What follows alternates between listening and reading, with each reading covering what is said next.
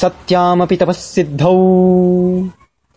नियमापेक्षया मुनिः कल्पवित् कल्पयामास वन्यामेवास्य संविधाम्।